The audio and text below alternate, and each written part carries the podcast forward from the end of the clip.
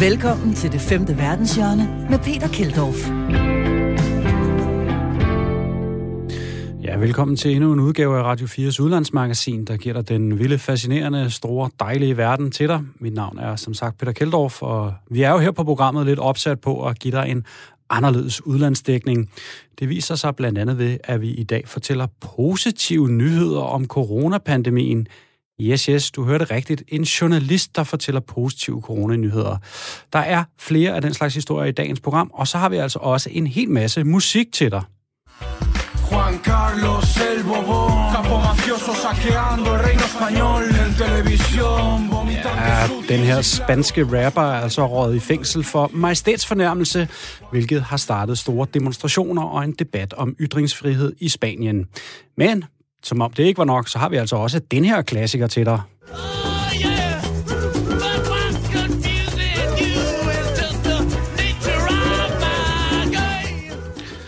Rolling Stones, Sympathy for the Devil, sympati for djævlen. Hør, hvad den sang har med den russiske oppositionskritiker Alexei Navalny at gøre. Det er sidst i programmet, og her i programmet har vi selvfølgelig også vores faste element, ugens røverhistorie, og så er der også falsk, oh, undskyld, falsk sne og konspirationsteorier i Texas. Velkommen til.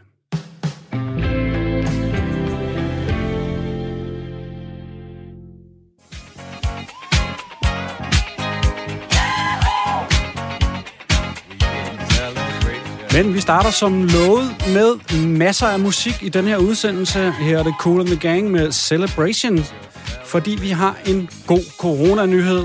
Ja, du hører det rigtigt. En journalist, som bringer dig gode nyheder om den verdensomspændende pandemi.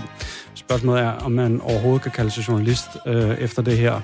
Det sker i hvert fald ikke så tit at os journalister, vi kan bringe dig positive nyheder. Vi spiller Celebrations, fordi antallet af smittede verden over falder og er faldet markant bare rolig, jeg er skam godt klar over, at der stadig er store problemer med coronapandemien, men vi snakker altså om meget, meget færre smittede. Og det er, synes jeg i hvert fald er værd at fejre, at vi klarer det så godt i en ellers meget sort tid. Vi kan jo måske, øh, når Celebrations lige er over her, så kan vi lige prøve at høre, hvor godt det egentlig går. Det har vi øh, nemlig et klip for med lederen af WHO. Han fortæller her. The number of reported cases of COVID-19 globally has now declined for the fifth consecutive week. Last week saw the lowest number of reported weekly cases since October. So far this year, the number of weekly reported cases has fallen by almost half. Vi har kun halvt så mange smittede som ved nytår verden over, og vi er nede på det laveste antal smittede siden oktober globalt set, sagde WHO's generalsekretær Tedros Adhanom Ghebreyesus her. Og det forventes altså at være væsentligt lavere, når du hører den her udsendelse, som bliver optaget på forhånd. Det samme, øh, den samme tendens ser vi, når vi ser på dødsfaldene. Corona-relaterede dødsfald er også halveret, ligesom smittetilfældene, og det er altså tal, i, der kommer fra WHO. Vi snakker altså om et kæmpe stort fald, øh, primært i Indien for eksempel, øh, på trods af alle deres problemer. Et stort fald i USA, hvor antallet af nye tilfælde er faldet med 35 procent i de sidste to uger. Sydafrika, ellers øh, hjemsted for en af de nye varianter, ser faldende tal i Europa, og også her i Danmark for eksempel, men også Tyskland falder tallene andre steder. Frankrig er en undtagelse. Øh, Asien, der falder tallene, og andre steder. Den her historie har man jo nærmest ikke hørt om, i hvert fald ikke her hjemme i Danmark. Dog har Berlingske bragt en artikel med overskriften Den store smittegåde. Hvorfor rasler klodens coronatal ned? Forleden talte jeg med Flemming Conradsen, professor i global sundhed ved Københavns Universitet, om netop den såkaldte smittegåde. Fordi det er stadig uvist, hvorfor tallene er faldet så meget, som de er. Hvis man ikke kigger på, hvad der øh, måske kan ske, altså at, at tingene kan ændre sig, så er det selvfølgelig positivt, at vi rigtig mange steder i verden ser et fald i indlæggelser, fald i dødsfald og i virkeligheden også fald i registrerede nysmittede. Det er ikke så tit, at det sker, at jeg som journalist kan fortælle positive coronanyheder. Det er vel på en eller anden måde øh, altså værd at fejre, vi er på vej den, den rette vej, ikke? Jo, lige indtil vi ikke er det igen. altså, så, så med den usikkerhed, der ligger i, at når vi ikke rigtig forstår til fulde, hvorfor faldet er sket, det er i nogle områder lidt en gåde.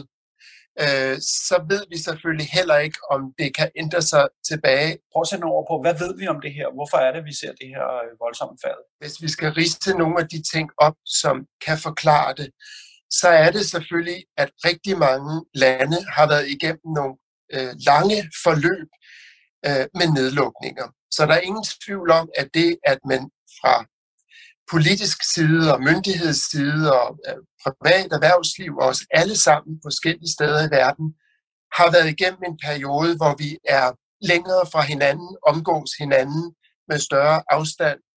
Øh, vi har tillært os en masse praksis omkring, hvordan vi ruster, øh, hvordan vi er mere hygiejniske, hvordan er vi mødes færre mennesker, hvordan er vi hjemmeskoles osv. osv. Så der er ingen tvivl om, at de grader af lockdowns, der har været forskellige steder, med den tilhørende ændrede adfærd, omgang, og de ting, vi har tillært os, eller de praksis, der er blevet påtvunget os, har givet en reduktion i smitte. Ja, så vidt altså Flemming Conradsen, professor i global sundhed ved Københavns Universitet. Øh, han nævnte også, at udrulningen af vaccinerne ikke har haft den helt store effekt på den her corona gået endnu. Det er altså ikke derfor, men at der i nogle samfund kan være en stor del af befolkningen, som har været, har været smittet, og at virusen derfor har svært ved at sprede sig yderligere. Vi må så bare håbe, at udviklingen fortsætter, og ikke hvile på laverbærene, og så feste lidt, øh, høre lidt celebrations, men måske derhjemme lidt endnu.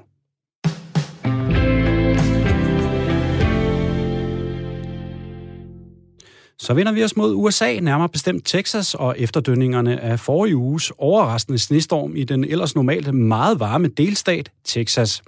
Staten blev erklæret katastrofeområde, mange mistede livet, og mange millioner texanere havde ikke adgang til rent drikkevand. Vi taler med min ven Noah, som var midt i det hele og oplevede det tæt på lige om lidt. Men inden da kan vi fortælle, at der faktisk også, eller man har faktisk øh, desværre nok lyst til at sige, selvfølgelig også er kommet diverse konspirationsteorier omkring den store snestorm. Prøv en gang at høre her. Okay. And another one, because people said that they Fresh ice for-. Fresh snow for all the haters.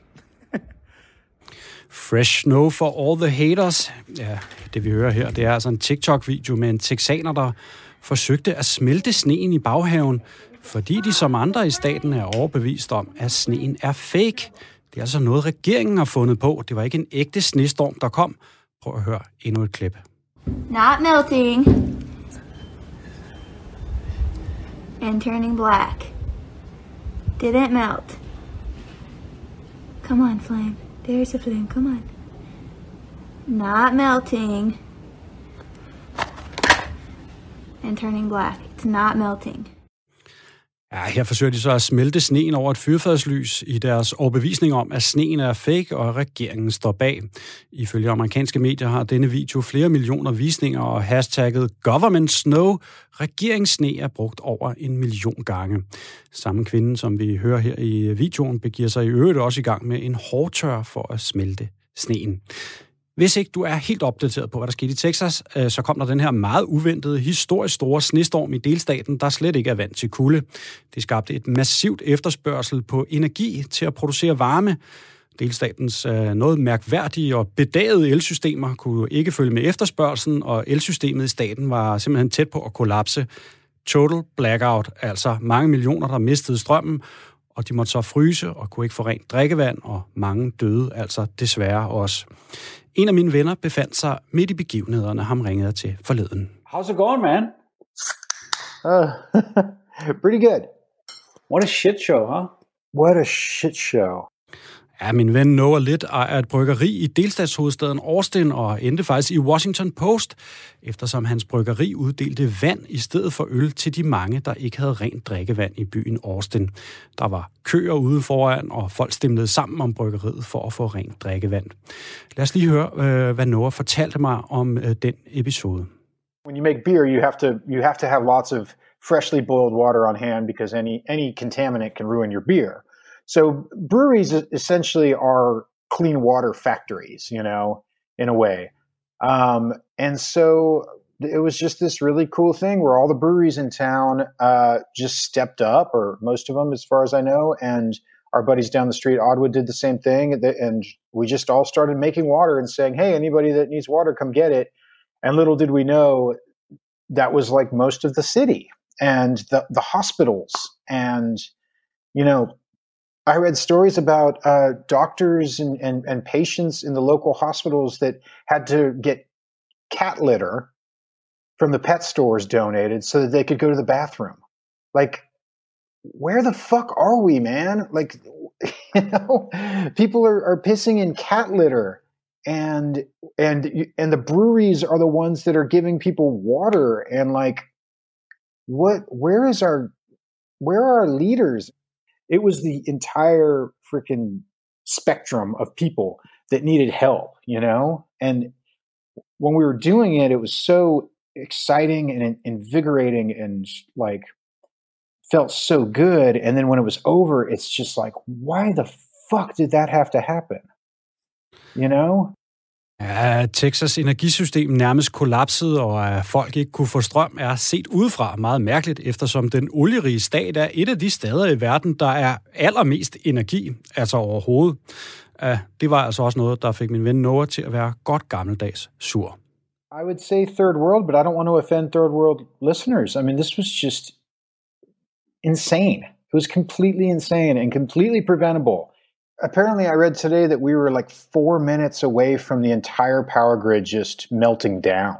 Is the is the news from today, which is baffling. It's completely insane. And uh, for anyone that's listening that doesn't understand, apparently Texas in the maybe the 70s decided to set up its own power grid uh, so that it, so that it wouldn't have to be regulated by the government because we hate regulation, you know. And I'm just when I say I'm pissed, I'm I'm I'm pissed about these old ideas that like, you know, maybe in the 80s big government versus small government was something that mattered. Like at this point every facet of our life can be watched and and manipulated and whatever like the government is kind of the least of my worries right now. I mean, well, since Biden took office, I guess. but and it's, it's just it's so frustrating to me that there's this idea of big government versus small government when the only real argument should be just good government all the time. And that's what I'm just I'm so sick of this. But yeah, we, we got we have a lot of work to do here and it's uh I don't I don't know who's gonna do it, you know, especially with the tinfoil hat people out there. Ja, der er meget arbejde tilbage at lave i Texas, og hvem skal gøre det? Nok ikke sølvpapirshattene, der, som vi hørte i starten, ikke tror, sneen er ægte. Sådan lød det altså fra min ven Noah Litt, der er et bryggeri i Austin, Texas, og var midt i begivenhederne, da Texas blev ramt af den historisk store snestorm og efterfølgende energikrise.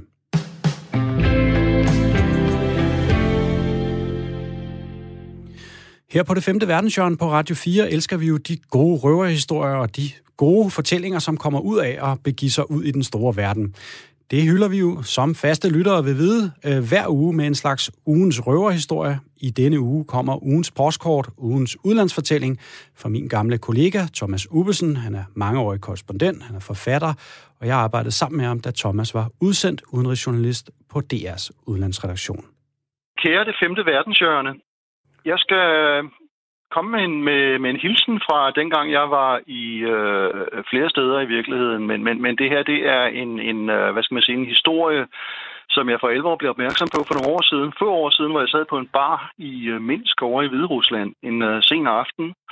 Og så sad jeg og fik nogle drinks sammen med øh, min fixer. Altså, det er ikke en narkoman, men, men en, som øh, jeg arbejdede sammen med derovre som, som, som tolk, og vi sad og snakkede om gamle dage. Han var 7-8 år yngre end mig, men øh, vi sad og snakkede om minder under den kolde krig. Og det var rigtig, rigtig hyggeligt, og jo længere vi kom ind i snakken, øh, jo længere gik det op for mig, at vi egentlig til sammen havde en ret fantastisk øh, koldkrigshistorie. På den måde, at øh, vi har siddet i, i hver sin ende af, af den kolde krig, han på sovjetsiden og jeg på den amerikanske side, øh, i, i midt-80'erne, og så har vi siddet i øh, hver sin position, hvor vi uden at ville det, kunne, øh, kunne have risikeret at kaste verden, og det er ikke nogen overdrivelse det her, tro mig, vi kunne øh, have risikeret i værste tilfælde at kaste verden ud i et ragnarok, en øh, atomkrig, eller hvad, hvad, hvad pokker det kunne ende med. Men, men historien for vores begge vedkommende, det var, jeg vil sige for, for min del, øh, var, at jeg arbejdede på Thule Airbase, altså op på, på Nordgrønland, der arbejdede jeg et par, et par år, øh, kolde år der under den kolde krig. Jeg sad i, øh, i et øh, sort tillåst rum, fuldstændig mørke, med et stort omstillingsbord, øh, switchboard, Øh, det er helt vildt, vi taler om 1985, og alligevel bestod kommunikationen fra Thule Airbase til, øh, til Continental US. Den gik gennem et switchboard, et kæmpestort øh, øh, omstillingsbord fra 1929. Jeg gentager fra 1929. Mit job det var at sørge for, at øh, der var fire telefonlinjer, øh, som forbandt til Thulebasen med USA, som sagt, og til, til noget, der hedder NORAD Spacecom i Cheyenne Mountain i USA. Det er der centrum for, for, for, hvad skal man sige, atomslagstyrken lå. Og min opgave er at sætte de her telefonsamtaler igennem øh, ned til USA, og øh, det, de kom i nogle tilfælde op for noget, der hedder JSIDE, den store radar, som var grunden til, at den base overhovedet eksisterer. Øh, det, det var radaren på JSIDE, hvor, hvor man sad og kiggede på skærme, og øh, i princippet så holdt man øje med, om sovjetiske atommissiler var på vej op over Nordkalotten og ned mod USA. Der skulle øh, tuleradaren, det skulle være den første varsel om, at noget var på vej. Hvis det skete, jeg har ikke oplevet det, der kom jo ikke nogen atomkrig, men hvis det var sket, så skulle de ringe fra J-side ned til mit omstillingsbord, hvor jeg sad, og så skulle jeg sporenstrejs smide alle andre telefonlinjer, øh, rydde alle andre telefonlinjer og sætte, sætte samtalen igennem fra J-side og ned til USA, og så skulle, øh, så skulle øh, så ville det lande i Norad the Mountain, øh, Cheyenne Mountain, og så ville kaldet gå videre til præsident Reagan, som så ville få nogle minutter til at afgøre, om man skulle slå igen med det samme, eller man skulle lade være. Det ville give ham sådan en respit på, på en 5-10 minutter til at overveje situationen, før jorden gik under. Så jeg sad og passede det her, øh, og det, det var jo ikke højdramatisk, det var rutinekald det meste af det, men øh, muligheden var til stede. Og vi sad der faktisk for, for at kunne sætte den der fatale øh, telefonsamtale igennem, hvis den skulle opstå. Den kommer aldrig. Men øh, vi havde en polemik med vores arbejdsgiver, som hed Danish Arctic Contractors. Det var dem, der ansatte også danskere på basen øh, til, til det amerikanske militær. Og de, øh, de var der for pengenes skyld, kan jeg roligt sige det. Øh, we we're only in it for the money. Det var næsten deres slogan, og øh, de vil gerne skære ned på antallet af telefonoperatører, så kunne de spare nogle, øh, nogle, nogle, nogle, nogle udgifter til, til danske telefonoperatører. Normalt skulle man sidde to på en vagt, øh, minimum to, øh, til at tage sig af alle de der telefonsamtaler, det var. Og øh, man måtte ikke forlade switchbordet. De skulle være, være bemandet 24 timer i døgnet af gode grunde, fordi det kunne være afgørende for den kommende verdenskrig. Men de ville skære ned til, at vi var indmandsbemandet. Øh, altså øh, øh to to vagter af 12 timer øh, skulle dække døgnet, så skulle der kun sidde én telefonoperatør i, i, på, på nattevagten der i 12 timer i træk. Så sad man der mutters alene 12 timer. Og hvad gør, sker der, hvis man sidder i 12 timer? Så skal man ud og tisse på et tidspunkt. Man skal på toilettet. Det er uundgåeligt. Det er jo, øh, kan man ikke rigtig gøre noget ved. Det forklarede vi så vores, forsøgte vi at forklare vores chefer, at det var jo øh, det var den menneskelige krav, og det kan ikke lade sig gøre at sidde 12 timer øh, øh ved, ved, ved, ved det der switchboard, uden lige, lige at få en pause på et par minutter til i hvert fald at gå ud og slå en streg. Det vil de skide på. Øh, så det endte med, at øh, vi sad på 12 timers vagter, mutter til det ene der om natten, og resultatet var selvfølgelig, når man havde siddet der et antal timer, så skulle man jo så på, på toilettet, og øh, det bliver jeg så nødt til. Og så er man væk i, hvad skal vi sige, 3-4 minutter eller noget af den stil der. Og det interessante ved det, det er sådan set, at der kunne atomkrigen, der kunne opkaldet jo komme, som skulle stilles igennem fra J-side ned til USA, om at de sovjetiske atommissiler var på vej. Men Horsa, Thomas Ubesen, var på toilettet. Øh, det, var, det var min rolle i den kolde krig. Jeg, jeg kan da godt få sved på banden med tanken om, hvis, hvis det fatale opkald var kommet lige der. Det, det gjorde det heldigvis ikke. Nå, det var min side af historien. Øh, Sasha, min ven derovre i øh, Hvide Rusland, han sad på en øh, tilsvarende på en sovjetisk øh, hvad hedder det, aflytningsbase i øh, det nuværende Estland. Ja, det var også Estland dengang, men dengang var det en sovjetrepublik. Han var, han var indkaldt til militæret. Øh, Sovjetunionen var i opløsningen. Alt var i opløsningen. Der var ingen varer på hylderne. Man kunne ikke få vodka, og øh, det, var, det var det næsten det værste af det hele for, for mange. Og han fortæller, at øh, i takt med, at Sovjetunionen gik op i limningen, så faldt disciplinen også inden for militæret øh, respekten for de overordnede, som havde været benhårde indtil for nylig, den, øh, den, den, altså, de begyndte, soldaterne begyndte at få langt for at lytte til rockmusik og drikke sig fulde og ryge joints og sådan noget. Og, og, og gav ikke nødvendigvis honør til generalen, når han kom forbi, og så videre, og så videre. Det er, det er et symptom på almindelig opløsning, og så videre. Men han sad altså på den her base, og øh, det gjorde han, til at rigtig godt engelsk. Så hans opgave, det var at lytte ind på amerikanske flybevægelser i NATO-området og, og hen over Atlanten. Øh, så skulle han lytte med på så mange flysamtaler, det kunne altså. Han kunne have, fortalte han, 7-8 flykommunikationer i hovedtelefonerne af gangen som han sad og lyttede på, og så skulle han afrapportere, hvad, hvad, hvad der var for nogle informationer, han opsnusede af den der vej. Øh, hans rolle i, i den kolde krig og hans, hans øh, katastrofale si, situation der, det var, at øh, øh der hvor, hvor øh, i slutningen af, af, af sovjettiden, der, der øh, viste sig, at øh, man, blev, man fik medaljer og ros og anerkendelse, jo mere man rapporterede. Altså, og der blev ikke konstrueret noget som helst, fandt han ud af. Han, var, han talte godt engelsk, det var ikke de overordnede talte ikke nødvendigvis særlig godt engelsk. Og det gik op for ham på et tidspunkt, at øh, jo flere, jo flere til, øh, hvad, hvad hedder det, radiokommunikationer, flykommunikationer, han kunne rapportere, jo, jo, jo mere ros fik han, og han fik faktisk også lønforhøjelse for det. Så Resultatet var, eftersom det ikke blev kontrolleret, så begyndte han at opfinde telefonsamtaler eller telefonkommunikationer mellem flyeskadriller, bombefly osv. på vej tværs over Atlanten til og fra USA. Altså NATO-bevægelser af fuldstændig afgørende karakter. Øh, dem blev der flere og flere og flere og flere af fra Sashas side, fordi øh, det, gav ham, øh, ja, det gav ham alle de der fordele, øh, også i form af vodkaflasker og, og, og, og god mad og penge osv. osv. Og han fortalte faktisk videre til sine, øh, til sine soldaterkammerater, som kom og overtog vagten efter ham, at øh, det skulle de bare gøre. Så resultatet var, altså, ja, jeg sad op på Tulebasen og øh, kunne risikere ikke at rapportere eller, eller give samtalen videre om de her atommissiler. Og Sasha sad over på den anden side og rapporterede om flyeskadriller, som drønede frem og tilbage over, over Atlanterhavet med, øh, med atombevæbning i nogle tilfælde og, øh, øh og fejlrapporterede, så Sovjet, den øverste sovjetiske ledelse var fuldstændig, øh, altså de oplysninger, de, de, de informationer, de fik, var ingenting værd. Sådan kom han gennem den kolde krig. Øh, som en relativt rig mand, han tjente mange penge på det der, og øh, ja, min del i den kolde krig var, at jeg sad deroppe og øh, skulle på toilettet, når lokummet brændte, for nu at sige det på den måde.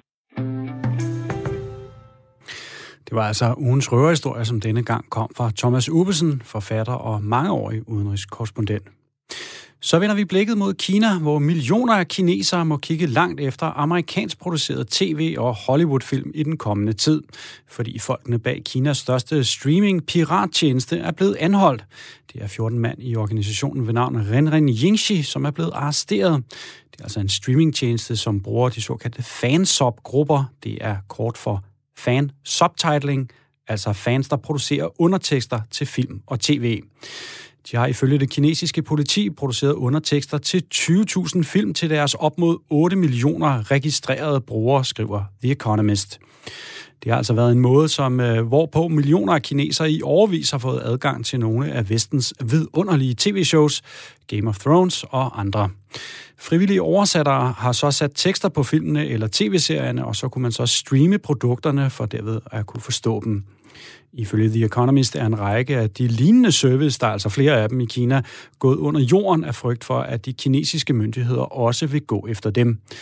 Tidsskriftet skriver endvidere, at der på det kinesiske Twitter-ish øh, sociale medie Weibo, altså lidt ligesom Twitter, har været omkring en milliard, yes yes, det er store tal det over i Kina, en milliard posts omkring den her nedlukning af Renren Yingxi, som i øvrigt betyder noget i retning af alle personers film- og tv-shows. Det har i øvrigt også fungeret som en stor engelsk undervisning af mange millioner kinesere, der på trods af det absurd store marked, de har derovre, må nøjes med få engelsksprogede film, som for det meste er ufattelig meget censureret. Ifølge The Economist så er et show som Game of Thrones så censureret, at det er svært at følge med i handlingen.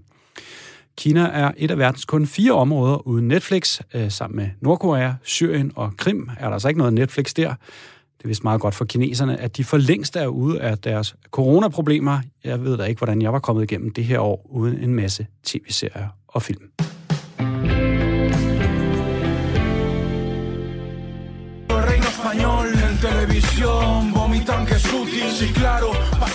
Som vi lovede i starten af udsendelsen, så var der masser af musik i det her program, og altså også her i anden time. Her er det Juan Carlos El Bourbon, idioten Juan Carlos. Og Juan Carlos er i det her tilfælde altså den tidligere spanske konge.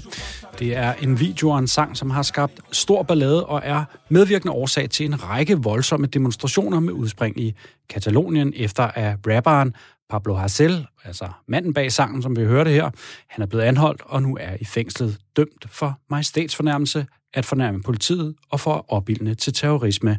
Blandt andet fordi han har tweetet sin støtte til blandt andet ETA, som er på terrorlisten i Spanien. Anholdelsen af Hassel har altså skabt store sammenstød. Vi kan lige høre en lille bit smule fra en af demonstrationerne i Barcelona.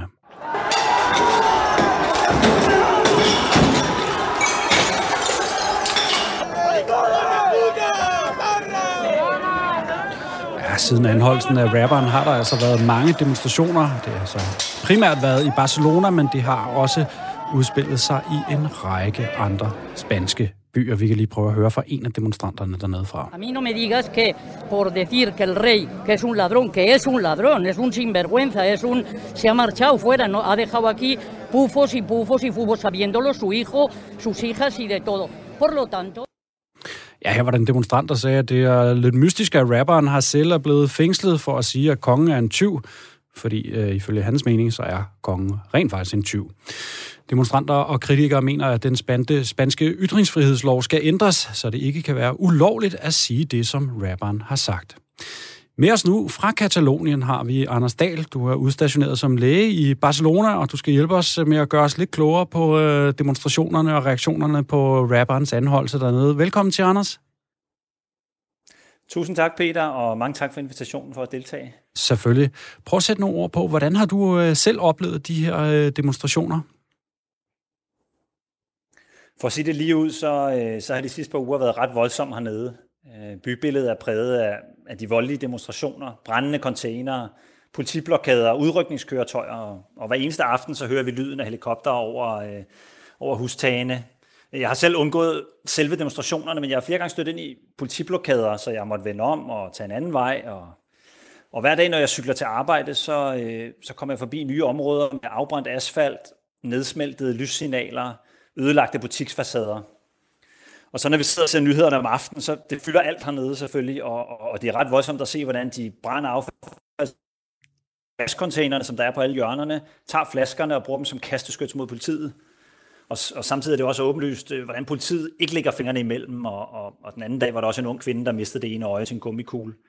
Så, øh, så, så jeg har ikke selv været, været, været direkte, jeg sørger gør alt, hvad jeg kan for at undgå det, men, men den anden dag, da min kollega så skulle hjem fra hospitalet, så, så var hendes scooter nær brændt af, fordi containerne rundt omkring hospitalet var i brand, så hun slap kun lige ud med nød og næppe, så det kommer alligevel lidt tæt på, selvom, øh, selvom jeg sørger for at undgå det. Ja, det lyder lidt voldsomt. Prøv at sætte nogle ord på, øh, hvad er det, som øh, demonstranterne, hvad er de vrede over? Jamen, det handler øh, om den her sag, som, som du nævnte i indledningen, at, øh, at øh, den katalanske rapper Pablo Arcel er blevet, blevet idømt fængsel og er blevet fængslet nu for at kritisere staten og politiet og kongen. Og det er baseret på de her tweets og rapsangen, som du nævnte, øh, om den tidligere Juan Carlos, som nu lever i eksil, fordi han er anklaget for at, at svindle for de der millioner af euros og, og, og forskellige andre ting. Så, så ham Pablo, han synger, at han er en fordrukken tyran og en mafiabjørs og har stjålet millioner, mens resten af Spanien ikke har råd til at sørge for basale nødvendigheder og sikkerhed for en stor del af befolkningen. Og så har han så også tweetet øh, altså ting om tidligere ETA-folk som frihedskæmper, og, og det tolker retssystemet så hernede. Det tolker det som, det er langt over, hvad ytringsfriheden tillader. Man må ikke kritisere staten og ordensmagten, og man må ikke krænke kongefamiliens sager. Det er altså meget vigtigt hernede, og, øh, og man kan sige, et, et måske lidt mere øh, afslappet, velfungerende retssystem vil nok ikke reagere så voldsomt på de her fornærmelser, fordi det, de kommer til at gøre nu ved at reagere så voldsomt på hans ord, det er, at de, de gør ham nærmest til en martyr, martyr for alle de vrede unge. Og de her vrede unge, de, de, hvorfor er de så vrede? For de er nærmest vrede på forhånd, fordi grundlæggende vil jeg sige, fordi tingene fungerer altså ikke optimalt i Spanien. Og siden krigen, øh, krigen, krisen i 2007, så har det været svært, især for de unge, der har begrænsede jobmuligheder, økonomien er ringe, de kan ikke forsørge sig selv, de kan ikke flytte hjemmefra, og, og mange af de unge, vi ser på gaden, de vokser op i den her tid. De, har ikke, de kender kun den her, øh, den her lidt håbløse øh, virkelighed. De har ringe muligheder, og de har totalt mistro til det etablerede system. Så det er særligt de her vrede unge, som, som oplever nu, at systemet så er endnu mere urimeligt, når de fængsler ham her for at synge om kongen, og så reagerer de med det eneste, de kender, som er vold og ødelæggelse, som jo så er meget, meget voldsomt, også for, for de almindelige øh, borgere hernede, kan man sige. Ja, altså, altså det, på, på en eller anden måde, så er det måske blevet lidt mere en, sådan en katalysator. Altså, de er måske også vrede over, som du siger, en, en masse andre ting.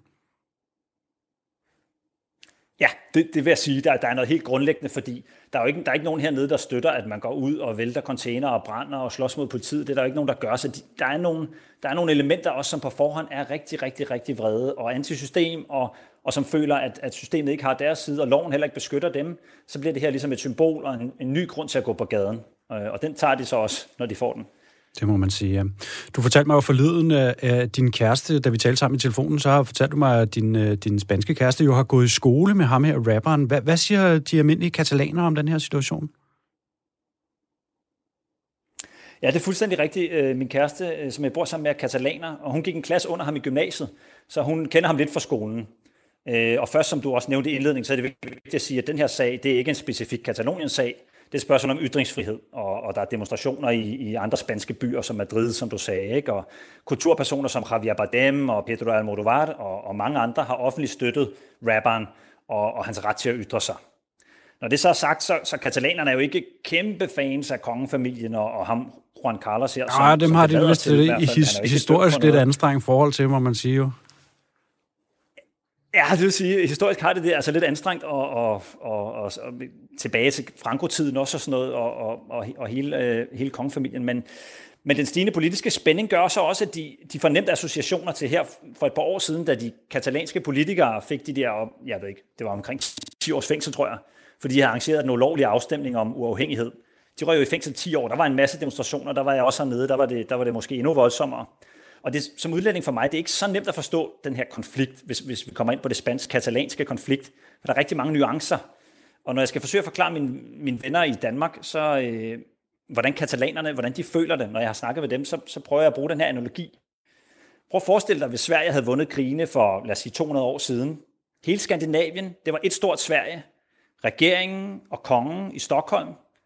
Danmark var så en lille vestlig provins med vores eget sprog og og, og, og noget selvstændigt styre. Og så kommer der derefter en lang periode med en svensk diktator, der undertrykker det danske folk, det danske sprog, og efterfølgende helt op i nutiden en økonomisk omfordeling, der bliver styret op fra Stockholm, fra regeringen, og som med danske øjne, mm, den, den ikke er rimelig set med danske øjne, man føler, at man bliver forfordelt. Øh, det, det, det er lidt sådan, de føler det, når jeg snakker med, med mine katalanske venner og med min kæreste, så de, så de har nogle andre følelser. Jeg, jeg har ikke rigtig nogen aktier i konflikten, den er, den er bare kompliceret, ikke? Den er meget kompliceret. Anders, tusind tak, fordi at, øh, du gjorde os lidt klogere på demonstrationerne i, i efterdønningerne på den her rapperens øh, anholdelse der. Mange tak for det. Selv tak, og tusind tak for et godt program. Jeg følger med hver eneste uge for Barcelona, og øh, have en god weekend. Perfekt, Anders. Det er godt at høre, at vi har nogle fans derude hele vejen nede i Barcelona også. Tak for det. Ha' en god dag, ikke? I lige måde.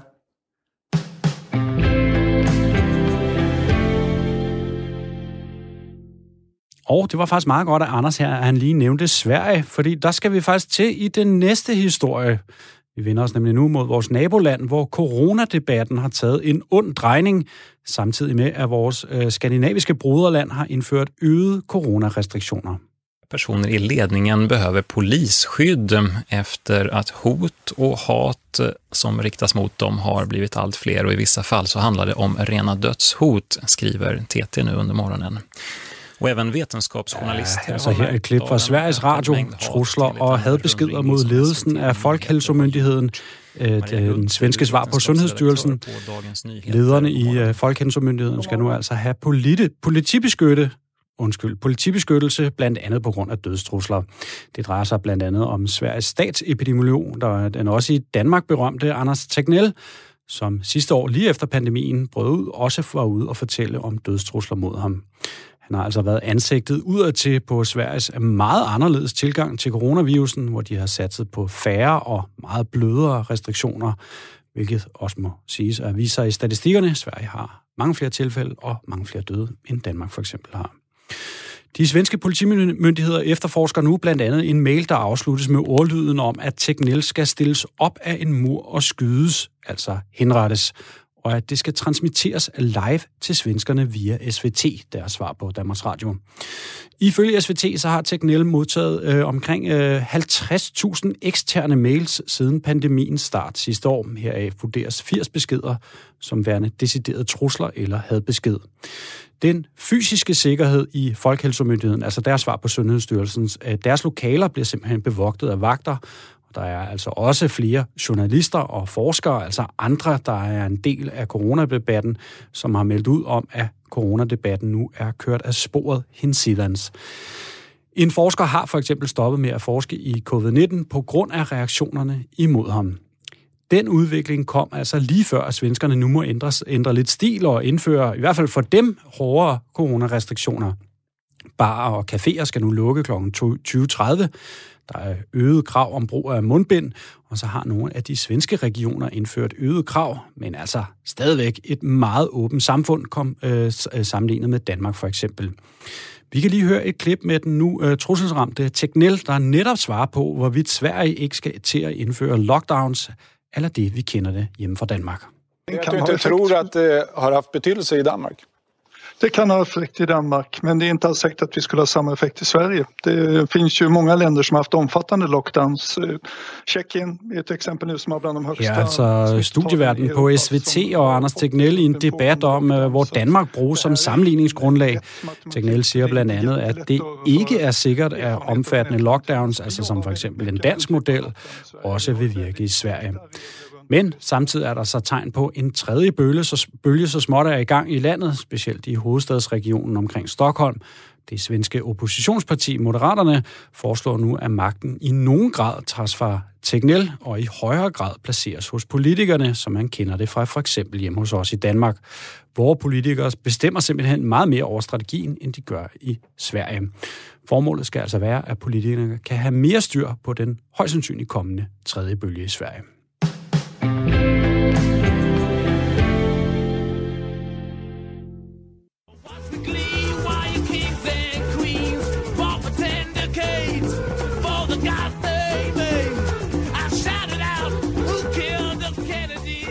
Så hører du altså Sympathy for the Devil med Rolling Stones. Og det gør du, fordi at uh, The Economist skriver under præcis samme overskrift, altså med overskriften Sympathy for the Devil, der bringer de en artikel om den russiske oppositionskritiker Alexei Navalny. Han får altså ifølge tidsskriftet mere sympati, desto mere Putin og regeringen udskammer ham. Der er altså sympati for, hvad Putin synes er djævlen.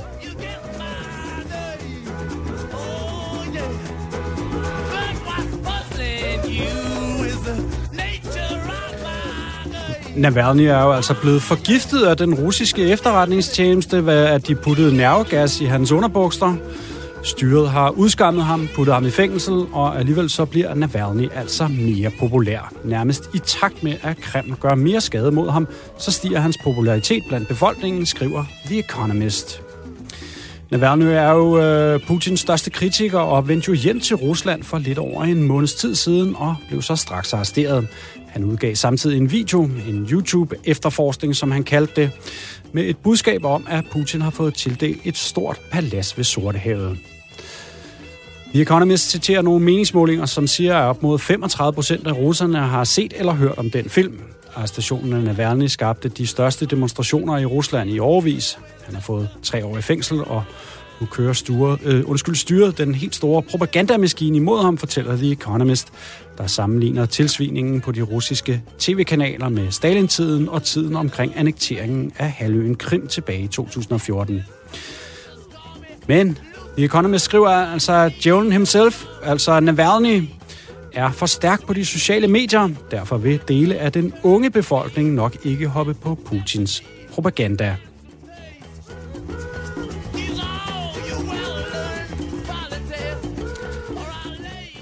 Jeg talte øh, tidligere om netop det her med Flemming Splidsbols, øh, undskyld, Splidsbol, Ruslands ekspert og seniorforsker ved Dansk Institut for Internationale Studier. Og det første, jeg spurgte Flemming om, det var den her sang her, jeg har afspillet, Sympathy for the Devil. er det passende at bruge den gamle Stone-sang som et udtryk for situationen med Navalny. Ja, det er det i, en vis udstrækning. Øh, der er jo en mulighed for, at simpelthen det forhold, at Navalny bliver omtalt, at han bliver ja, på en måde jo demoniseret af det russiske styre, det gør, at nogle af russerne tænker, at der er et eller andet at komme efter her. Ikke? Der er noget interessant, der er noget, vi skal, vi skal forsøge at undersøge. Men, øh, men der sker jo også en kraftig demonisering af ham, og det er klart, det er svært for ham og hans støtter at, øh, at gå imod den. Og hvad er det for en kampagne, som de øh, russiske myndigheder, hvad er det, de har gang i her? Det er jo en, en kampagne, som det vil sige, over flere år jo har haft flere elementer. Igennem en årrække har det jo været et, et forsøg på at udelukke fra ham det politiske liv. Altså han har ikke blevet han har ikke fået adgang til de statskontrollerede medier, han er ikke blevet omtalt i de statskontrollerede medier. Og det er det omfang, han er blevet omtalt, så har det været negativt, og det har været med referencer til Alexander Navalny som blogger for eksempel, som YouTuber. Altså ikke en anerkendelse af hans politiske virke, det vil sige, man har ikke sagt, at han er politiker, man har slet ikke sagt, at han er oppositionsleder, men, men det er så en, en, en kampagne, der har kørt i nogle år, og den er måske sådan bedst illustreret ved det forhold, at Ruslands præsident Vladimir Putin jo helst ikke udtaler hans navn. Øh, og det har han gjort ganske få gange, og det sender nogle klare signaler til resten af systemet. Her er en person, vi ikke kan lide, her er en person, vi skal passe på. I skal også passe på, hvordan I omtaler den her person. Og det, der så er sket, hvad skal man sige, sådan for, for nylig, jo i hvert fald siden august 2020, med drabsforsøget på Navalny, det er jo en meget mere direkte demonisering af ham. Altså øh, forsøger at så tvivl om hans motiv og sige, at han er styret af USA, han er styret af amerikanske efterretningstjeneste CIA. Øh, og senest har vi jo set, at der er kørt en kampagne på russisk side for at få omstødt øh, Amnesty's øh, omtale eller øh, man sige, accept af Navalny som, øh, som øh, samvittighedsfange at, øh, at den har man simpelthen kørt en, en kampagne for at få omstødt, og det har man gjort med reference til nogle udtalelser, han kom med tilbage i nullerne, og det har man altså på russisk side haft held til, så Amnesty siger nu, at Navalny selvfølgelig skal løslades, men han er ikke en samvittighedsfange i ordets egentlige forstand. Den her artikel fra The Economist, den nævner jo også, at øh, i deres forsøg på at demonisere manden, jamen, så bliver han rent faktisk øh, mere populær, og de gamle Sovjet-style øh, propagandatricks, de måske ikke helt virker så godt, som de har gjort. Hvordan ser du den, øh, den udlægning? Den kan jeg kun til dels være enig i. Altså hvis vi kigger på tallene, og tallene er meget svære, fordi vi har jo at gøre med en autoritær stat, som styrer rigtig meget, og det betyder, at det, det er vanskeligt for os som rigtigt at, at fornemme opbakningen til Navalny. Hvor mange mennesker vil komme på gaden, hvor mange mennesker vil faktisk stemme på ham, hvis der var mulighed for det. Men noget af det bedste, vi har, det er fra et øh, meningsmålingsinstitut, der hedder Levada, og deres seneste målinger fra februar måned, der får Navalny omkring 5% opbakning. Og øh, det er mere end tidligere. Øh, så, øh, så alene det, at der har været omtale af Navalny, at øh, mange mennesker er gået på gaden osv., har måske skubbet lidt til det. Men det er jo stadigvæk et, et forholdsvis lille øh, tal, og det er en forholdsvis lille andel af russerne. Og hvis man så kigger mere sådan generelt på situationen med Navalny i Rusland, hvilke muligheder har han? Nu sidder han jo i fængsel. Øh, hvilke muligheder har han og hans støtter for at drive den her modstand mod øh, styret videre? De har som udgangspunkt dårlige muligheder, og det, det skyldes jo simpelthen, at de er oppe mod et system, som, som øh, har enormt mange ressourcer, men som jo også har lært meget. Øh, skal vi huske på, øh, Putin har jo siddet ved magten siden 2000. Han blev udnævnt til premierminister i 99. Ja, man må sige, at han er pænt rutineret efterhånden. Han er pænt rutineret, ikke? Og, og, og med dygtige rådgiver og så videre, jamen så har man fået skabt noget der, som, som er rigtig svært, og som jo i dag kan nå ud i, i rigtig, rigtig mange dele af det russiske samfund, hvor der foregår en overvågning, der foregår en kontrol, der foregår også en udskamning selvfølgelig, og så er der den her sådan proaktive, øh, offensive påvirkning af vælgerne på forskellige vis. Og der må man jo bare sige, at, øh, at hele det mediekonglomerat, som styret hviler på, og som styret selv har skabt, jamen de, øh, de, de, de er enormt dygtige, de folk, der arbejder, er dygtige, de er kyniske, de øh, går helt til grænsen, og de tænker nyt, og, øh, og det er rigtig svært. Og så er der selvfølgelig det forhold, at Navalny sidder i fængsel. Det gør det vanskeligt for ham. Det er klart, øh, det er svært for hans følgere, også fordi de bliver fængslet, og nogle af dem bliver idømt bødestraffe osv., og, og det vil være vanskeligt at holde gejsten op igennem så lang tid. Ja, sådan lød det altså fra Flemming Splidsbol, Ruslands ekspert og seniorforsker ved Dansk Institut for Internationale Studier, da jeg talte med ham forleden dag.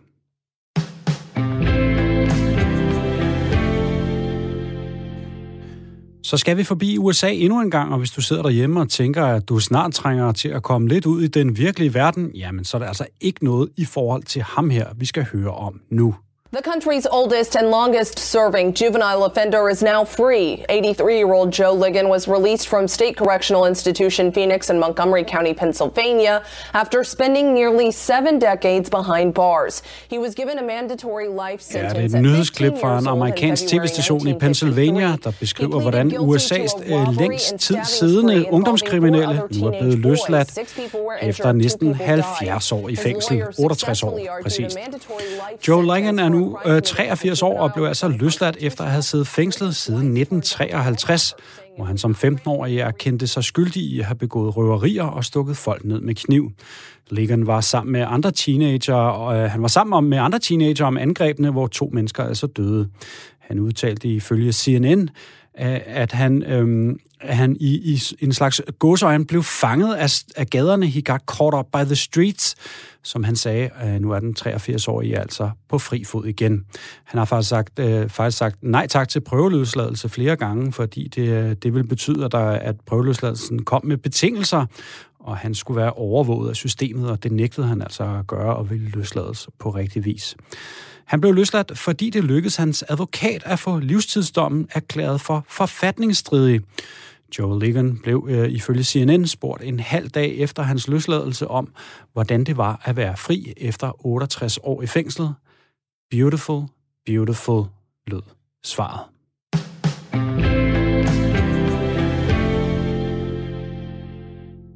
Vi slutter programmet, som vi startede det, med positive coronanyheder i en historie om, de britiske feriebookinger er steget helt vildt, efter at premierminister Boris Johnson har lagt op til, at britterne måske kan begynde med internationale ferierejser allerede fra den 17. maj. Det kan de mærke helt ned i, det, i de, undskyld, det kan de mærke helt ned i de hårdt ramte spanske feriebyer. Prøv en gang at høre her. Eh, si tomamos las reservas de la semana pasada, mismo día, hemos aumentado un 565% más en reservas. Así que los, y son reservas de británicos. Her var det en øh, chef for en stor spansk hotelkæde, der fortalte, at bookingerne er steget med over 500 procent i forhold til sidste uge, og at de bookinger kommer fra Storbritannien. Det er altså en udvikling, der kommer efter, at premierminister Boris Johnson udlagde britternes såkaldte Roadmap Out of Lockdown, den store forkromede plan for, hvordan Storbritannien genåbner deres samfund og økonomien. Midt i maj, den 17. er altså nu datoen, hvor britter kan rejse ud i verden, altså forudsat at alt går efter planen, og at virusen ikke lige vender tilbage med fornyet kraft, eller at deres vaccinationsplaner møder forskellige bump på vejen. Lad os lige høre et klip med Boris Johnson. We're setting out on what I hope and believe is a one-way road to freedom. And this journey is made possible by the pace of the vaccination program. Ja, vejen til frihed betyder altså åbenbart også en vej til at komme på charterferie til britterne. Men det er altså ikke kun de spanske feriebyer, der mærker britternes rejseløst. Flyselskaber og rejseselskaber melder om store stigninger i bookingerne. Ifølge BBC News så er det primært i august, at de mange nye bookinger øh, sker. Øh, der er også booking, nye bookinger i juli og september. Øh, folk de skal nok lige vente med at se det andet. Der er nok ikke så mange, der lige har booket en, en ferierejse til Spanien den 18. maj. Ifølge samme BBC og CNN i øvrigt, så forventes det, at flyselskabernes internationale brancheorganisation International Air Transport Association vil have udviklet en form for flyvaccinepas, som skulle være en app, hvor man altså kunne bevise, at man var vaccineret og derved kan flyve internationalt uden at skulle i karantæne. Vi må se. Jeg er i hvert fald så desperat, at jeg med glæde tager på charterferie sammen med en masse stive britter, så snart jeg kan.